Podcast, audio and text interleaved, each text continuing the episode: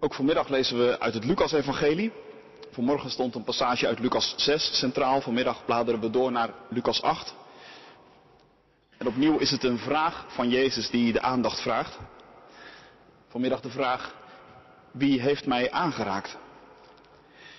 En die vraag is te vinden in het laatste gedeelte van Lucas 8, vanaf vers 40. Horen wij het woord van God. Toen Jezus terugkeerde, werd hij door de menigte opgewacht. Iedereen stond naar hem uit te kijken. Er was ook een man onder hen die Jairus heette, een leider van een synagoge. Hij kwam op Jezus af, viel aan zijn voeten neer en smeekte hem mee te gaan naar zijn huis. Want hij had een dochter van ongeveer twaalf jaar oud die op sterven lag. Ze was zijn enige kind. Toen Jezus op weg ging, begonnen de mensen van alle kanten te duwen. En een vrouw die al twaalf jaar aan bloedverlies leed en door niemand genezen had kunnen worden, al had ze haar hele kapitaal aan artsen uitgegeven, naderde hem van achteren en raakte de zoom van zijn kleed aan. En meteen hield de bloedvloeiing op. Jezus vroeg, wie heeft mij aangeraakt? Iedereen ontkende de aanraking en Petrus zei, Meester, de mensen om u heen staan te duwen en te dringen. Maar Jezus zei, iemand heeft me aangeraakt, want ik heb kracht uit mij voelen wegstromen.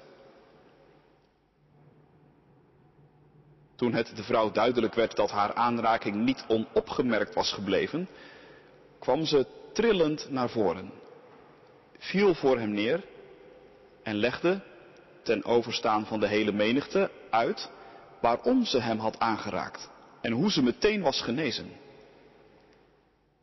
Jezus zei tegen haar, uw geloof heeft u gered. Ga in vrede. Nog voor hij uitgesproken was, kwam er iemand uit het huis van Jairus tegen de leider van de synagoge zeggen, uw dochter is gestorven, val de meester niet lastig. Maar Jezus hoorde het en zei, wees niet bang, maar geloof, dan zal ze worden gered. Toen hij bij het huis kwam, stond hij niemand toe om met hem naar binnen te gaan, behalve Petrus, Johannes, Jacobus en de vader en het moeder van het meisje. Alle aanwezigen waren aan het weeklagen en sloegen zich van verdriet op de borst. Maar Jezus zei, hou op met klagen, want ze is niet gestorven, maar ze slaapt. Ze lachten hem uit, omdat ze wisten dat ze wel gestorven was. Hij nam haar hand vast en zei met een luide stem, Meisje, sta op. Haar levensadem keerde terug en ze stond meteen op. Hij gaf opdracht haar iets te eten te geven. Haar ouders waren verbijsterd. En hij gebood hun tegen niemand te zeggen wat er was gebeurd. Gemeente van Christus, broeders en zusters, aanraken. Dat is een heel gewoon en tegelijk een heel kwetsbaar woord.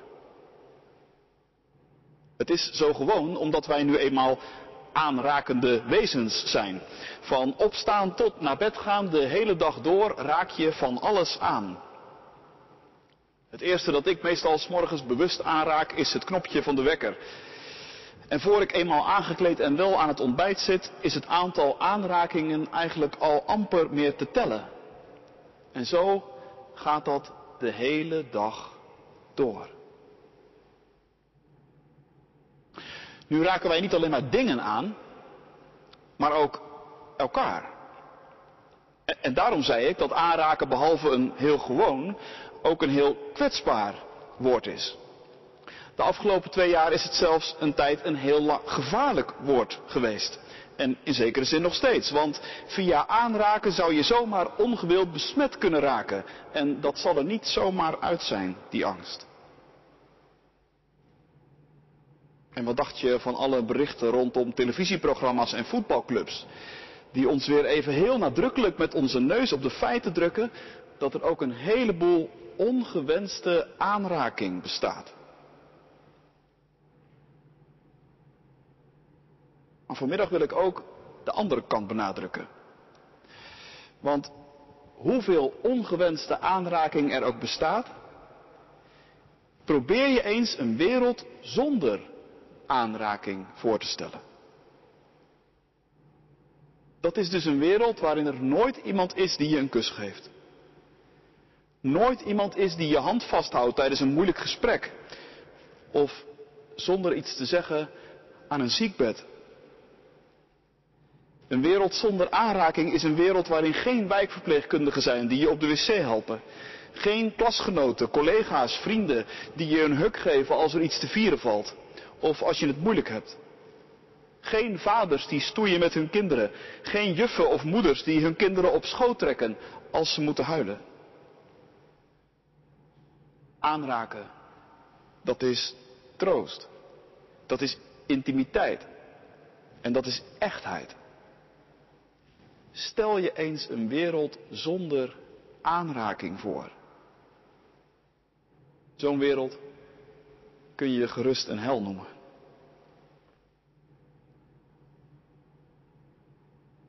Aanraken. Dat is vanmiddag het belangrijkste werkwoord in het Bijbelgedeelte dat we samen lezen. Er is een vrouw en zij heeft er alles voor over om Jezus aan te raken. Maar vooralsnog lijkt dat niet te lukken. Er is een aantal massieve barrières dat het aanraken van Jezus voor haar onmogelijk lijkt te maken. In de eerste plaats is zij dat zelf. Ze heeft namelijk last van een kwaal die haar volgens de opvattingen van die tijd tot een onrein persoon maakte.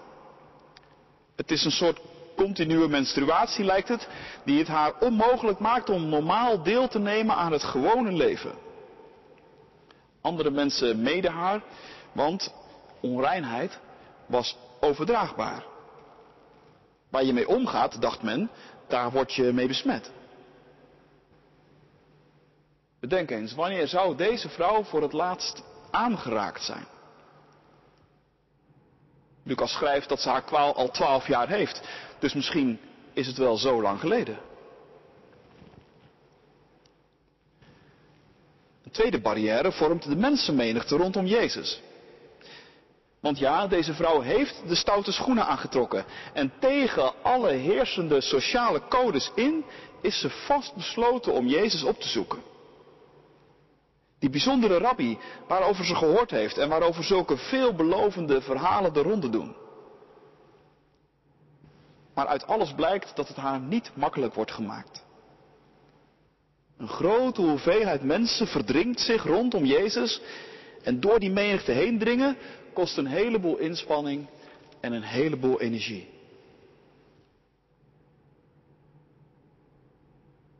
Dat geldt trouwens niet voor iedereen. Want in dit gedeelte gaat het ook nog over een andere figuur. Het gaat behalve over een vrouw zonder naam, ook nog over een man met een naam. Jairus heet hij. Zijn route tot Jezus gaat over een heel wat begaanbaarder pad. Voor Jairus wijken alle gelederen. Jairus is het hoofd van de synagoge. Hij hoort bij de celebrities van de stad. Voor Jairus geen achterdeur, met moeite op een kier, maar een voordeur. Wagenwijd open.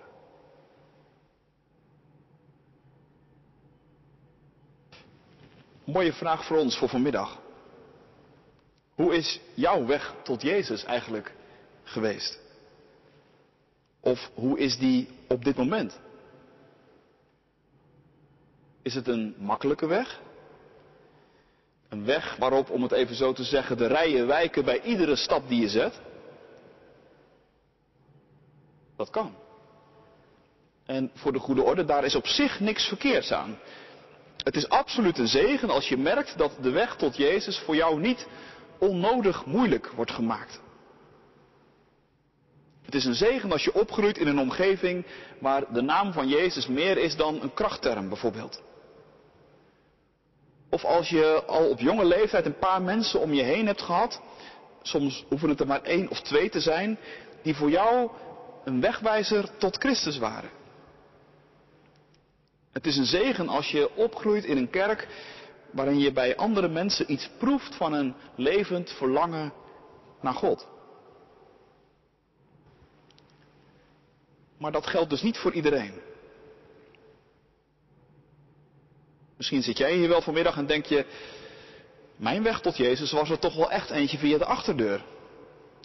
Ik weet wel echt iets van barrières op de weg naar Jezus toe. Er stond, om het even zo te zeggen, een grote menigte rondom Jezus te dringen en er was heel wat waar ik mij doorheen heb moeten worstelen. Er waren stemmen in de menigte die tegen me zeiden dat Jezus achterhaald was.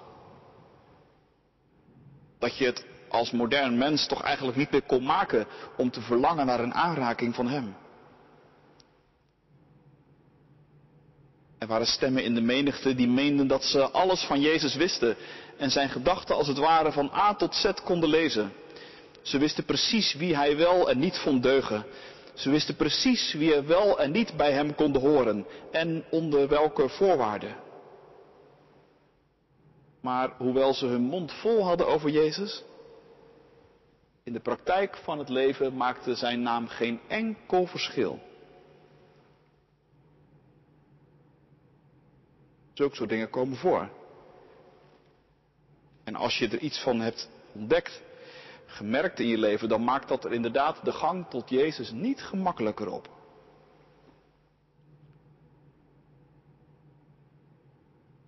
Wat ook nog kan, is dat je niet zozeer last hebt of had van anderen, maar veel meer van jezelf. Dat je tijden hebt waarin je dacht, of misschien nog steeds denkt, mag ik dat eigenlijk wel doen? Naar Jezus toe gaan en Hem willen aanraken. Is Hij er eigenlijk wel voor iemand zoals ik?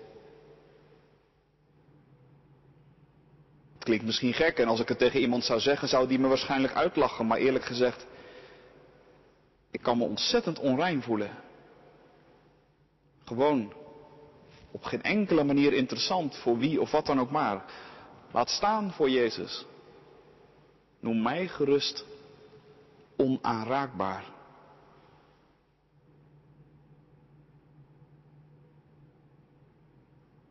Zomaar een aantal barrières die er tussen ons en Jezus in kunnen staan. En als je daar nou iets van herkent vanmiddag, let dan vooral heel goed op deze vrouw. Want zij laat zich daar dus niet door tegenhouden. Zij laat zich niet tegenhouden door anderen, hoe ingewikkeld die het haar ook maken. Maar uiteindelijk laat ze zich ook niet tegenhouden door zichzelf.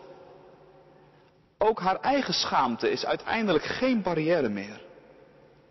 Ze moet en ze zal Jezus aanraken. En die aanraking, ja, die blijft niet zonder gevolgen. In dit stuk vallen minstens drie dingen op. In de eerste plaats valt op dat Jezus zijn gesprek met Jairus, die man met een naam, onderbreekt. En dat moet je niet onderschatten, want Jairus, ook al stond de voordeur tot Jezus wagenwijd voor hem open, ook Jairus kwam bepaald niet zonder reden. Zijn dochter, twaalf jaar oud, ligt op sterven. En het moet natuurlijk tergend geweest zijn voor die Jairus dat Jezus aandacht zomaar van zijn situatie werd afgeleid. Echt een totaal ongewenste onderbreking. Niet nu, Jezus, zal Jairus gedacht hebben. Niet nu. Er kan niet iets zijn dat dringender is dan mijn situatie. En je kunt het Jairus nauwelijks kwalijk nemen. Maar toch denkt Jezus daar anders over. Een meisje van twaalf, dat op sterven ligt, weegt voor hem even zwaar als een vrouw die al twaalf jaar aan een ongeneeslijke kwaal lijdt. En iemand die door de voordeur tot Jezus komt, is niet minder belangrijk dan iemand die met moeite de achterdeur weet te vinden. Laat dat je troosten vanmiddag. Laat dat ons allemaal troosten. Want je moet weten, dat getal 12, wat zo'n bijzondere rol speelt in dit Bijbelgedeelte, dat wijst ook nog, denk ik, op een diepere betekenislaag. 12 is, zoals je misschien weet, in de Bijbel ook het getal van Israël. Israël had twaalf stammen. En niet voor niets kiest Jezus daarom ook twaalf leerlingen. Ik denk, in het verhaal van Jairus gaat het dus niet alleen maar om één vader met één dochter. Nee, de situatie van het dochtertje van Jairus is ook als het ware een plaatje, een venster, waardoor je de situatie van Israël als volk bekijkt. En dat plaatje is niet rooskleurig. Israël wordt hier getekend als ten dode opgeschreven. En heel dringend verlegen om niemand minder dan een redder.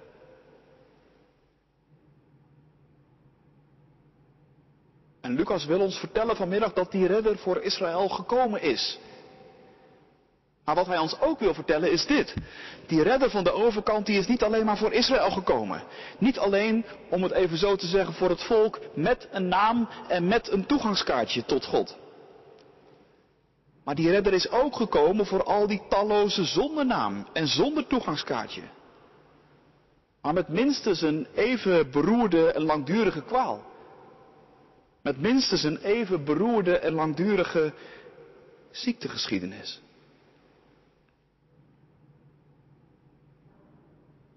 Als je het zo bekijkt, dan zijn wij dus allemaal die vrouw. Horen we allemaal bij die categorie. Wij zijn niet degene met wie God zijn eerste en oudste verbond sloot. Maar we zijn wel mensen die platzak bij de wensput zitten. Mensen met diep van binnen een niet te negeren stem. Die op de zeldzame momenten dat je eerlijk bent in je leven tegen je zegt. Jij redt het niet. Niet op eigen kracht in ieder geval. Er zijn mensen die, hoe we ook ons best doen, onszelf, anderen, deze wereld, niet echt langdurig gelukkig kunnen maken. Gezond en heel. En ergens diep van binnen is er die schreeuw naar de ultieme aanraking, die onze dorst en onze verlangens echt werkelijk kan bevredigen.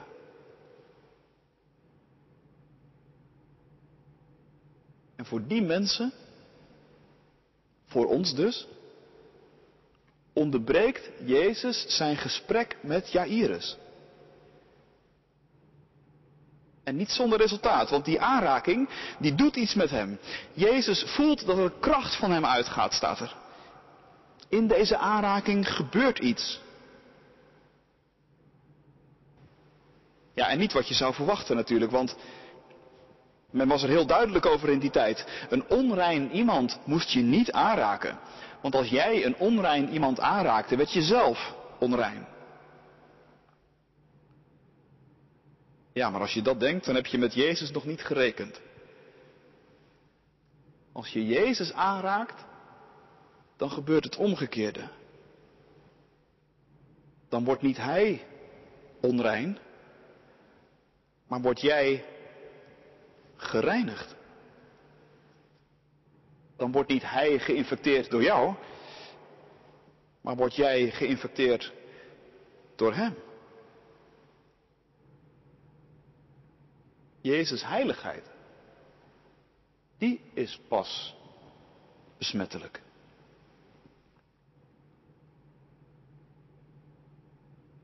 Dochter, zegt Jezus. In de nieuwe Bijbelvertaling is dat woord weggevallen. Gelukkig heeft de nieuwste Bijbelvertaling dat weer gecorrigeerd. En de oudere vertalingen hebben het ook. Dochter, zegt hij, je geloof heeft je gered. Dat is een heel cruciaal woord. Er zijn niet één dochter, er is niet één dochter in dit gedeelte, maar er zijn er twee.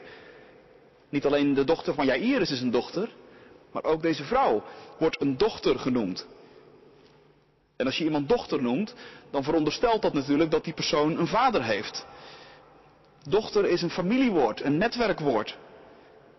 Jezus wil ermee zeggen, jij, vrouw zonder netwerk, die door niemand meer werd aangeraakt, vanaf nu hoor jij bij mijn familie. Vanaf nu hoor jij thuis in mijn netwerk. En of je nu door de voordeur of door de achterdeur komt, of je nu een rechtstreekse weg naar mij toe hebt gekend, of een ingewikkelde weg vol met omwegen en bochten en kuilen, dat maakt voor mij niets uit. Want mijn heiligheid, mijn helende en vergevende kracht, die bezit ik in overvloed. Ik hoef die niet krampachtig te verdedigen. Ik hoef die niet mondjesmaat uit te delen in de angst dat die vroegtijdig op zal raken. Nee, er is genoeg. Er is meer dan genoeg.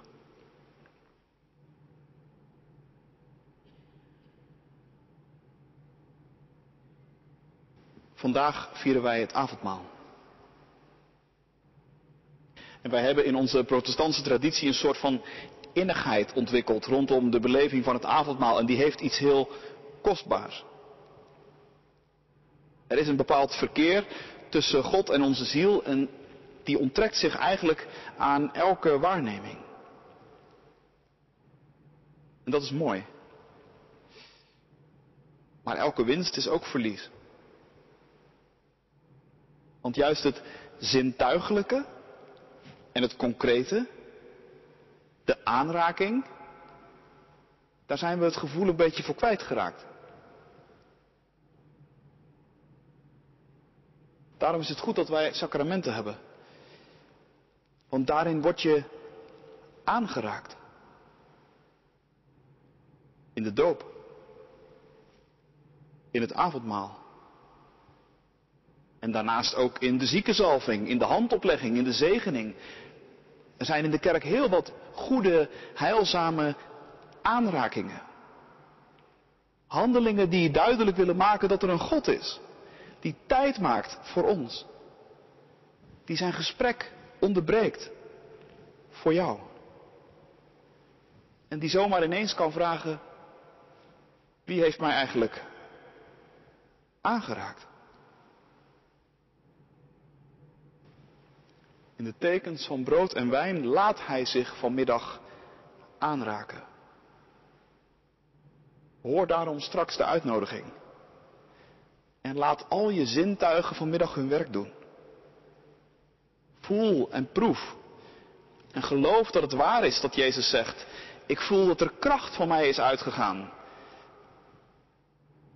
En geloof dat Jezus het meent.